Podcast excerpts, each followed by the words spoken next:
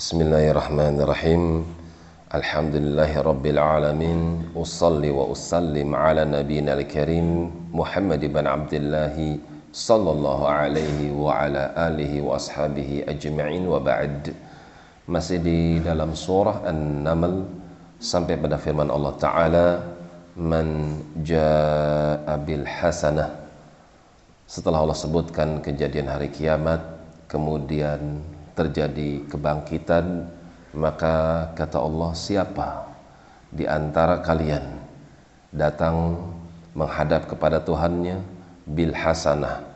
Dia membawa satu kebaikan saja.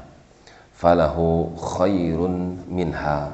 Maka dia akan mendapatkan balasan yang lebih baik daripada kebaikan yang pernah dia kerjakan wahum min faza'in yauma idzin aminun.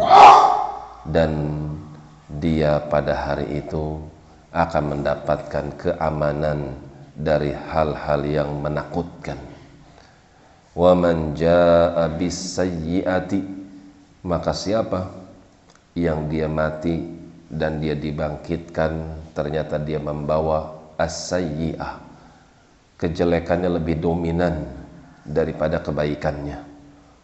Faqubbat wujuhuhum finnar maka akan disungkurkan dia.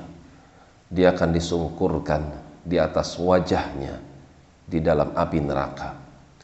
Wajah adalah bagian yang paling dimuliakan oleh manusia. Manakala dia keluar rumah, pasti yang dibenahin mukanya, bukan bagian yang lainnya.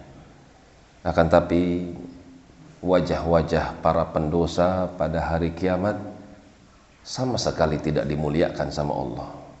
Muka tersebut akan diseret di api jahanam. Hal tujzauna illa ma kuntum ta'malun.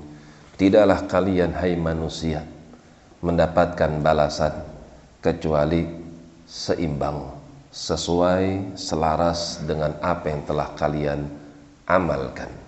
Itulah keadilan Allah Subhanahu wa taala.